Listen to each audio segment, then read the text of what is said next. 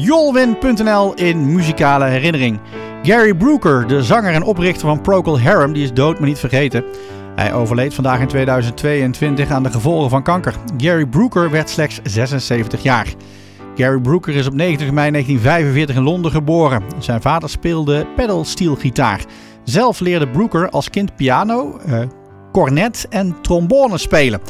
Hij studeerde kort zoologie, maar hield dat al snel voor gezien en werd muzikant. Samen met Keith Reed uh, richtte hij in 1966 de progressive rockband Procol Harum op.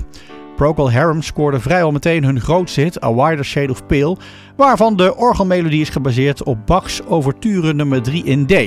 Het tweede album van Procol Harum, Shine On Brightly, wordt door liefhebbers van progrock gezien als de grondslag van deze muziekstroming.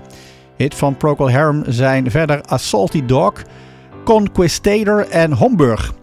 Gary Brooker die bracht naast zijn werk met Procol Harum ook solomuziek uit. Ook werkte hij met eh, grootheden als Bill Wyman, Eric Clapton en George Harrison. Zo werkte hij mee aan All Things Must Pass, de soloplaat van de voormalige Beatle.